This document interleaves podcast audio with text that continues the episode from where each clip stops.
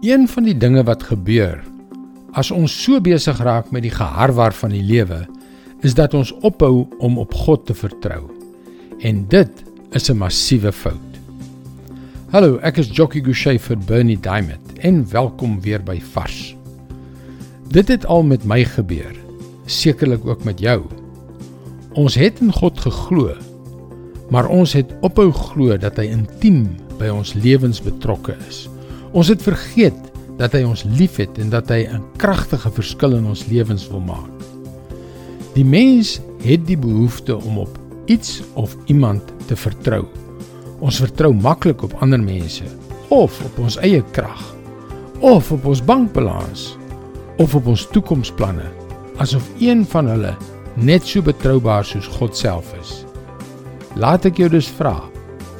Hoe goed het dit in die verlede vir jou gewerk. Jeremia 17 vers 5 en 6. So sê die Here: Daar is 'n vloek op die mens wat sy vertroue in mense stel, wat sy krag soek by sterflike mense en van my af wegdraai. Hy is soos 'n kaal bossie in 'n droë wêreld wat nooit water kry nie. 'n Bossie wat in 'n klipwoestyn staan, in 'n brak wêreld waar niemand woon nie. Ek kan maklik aansluiting vind by daardie kaalbossie. Daar was tye wat ek dit in die praktyk vergeet het. Alhoewel ek geweet het dat God getrou is, dat hy altyd daar is, gewillig is en in staat is om deel van my lewe te wees. Ek het nie my lewe geleef asof dit waar is nie. En dit sou ek bestempel as die definisie van 'n proses waar jy ophou om op die Here te vertrou.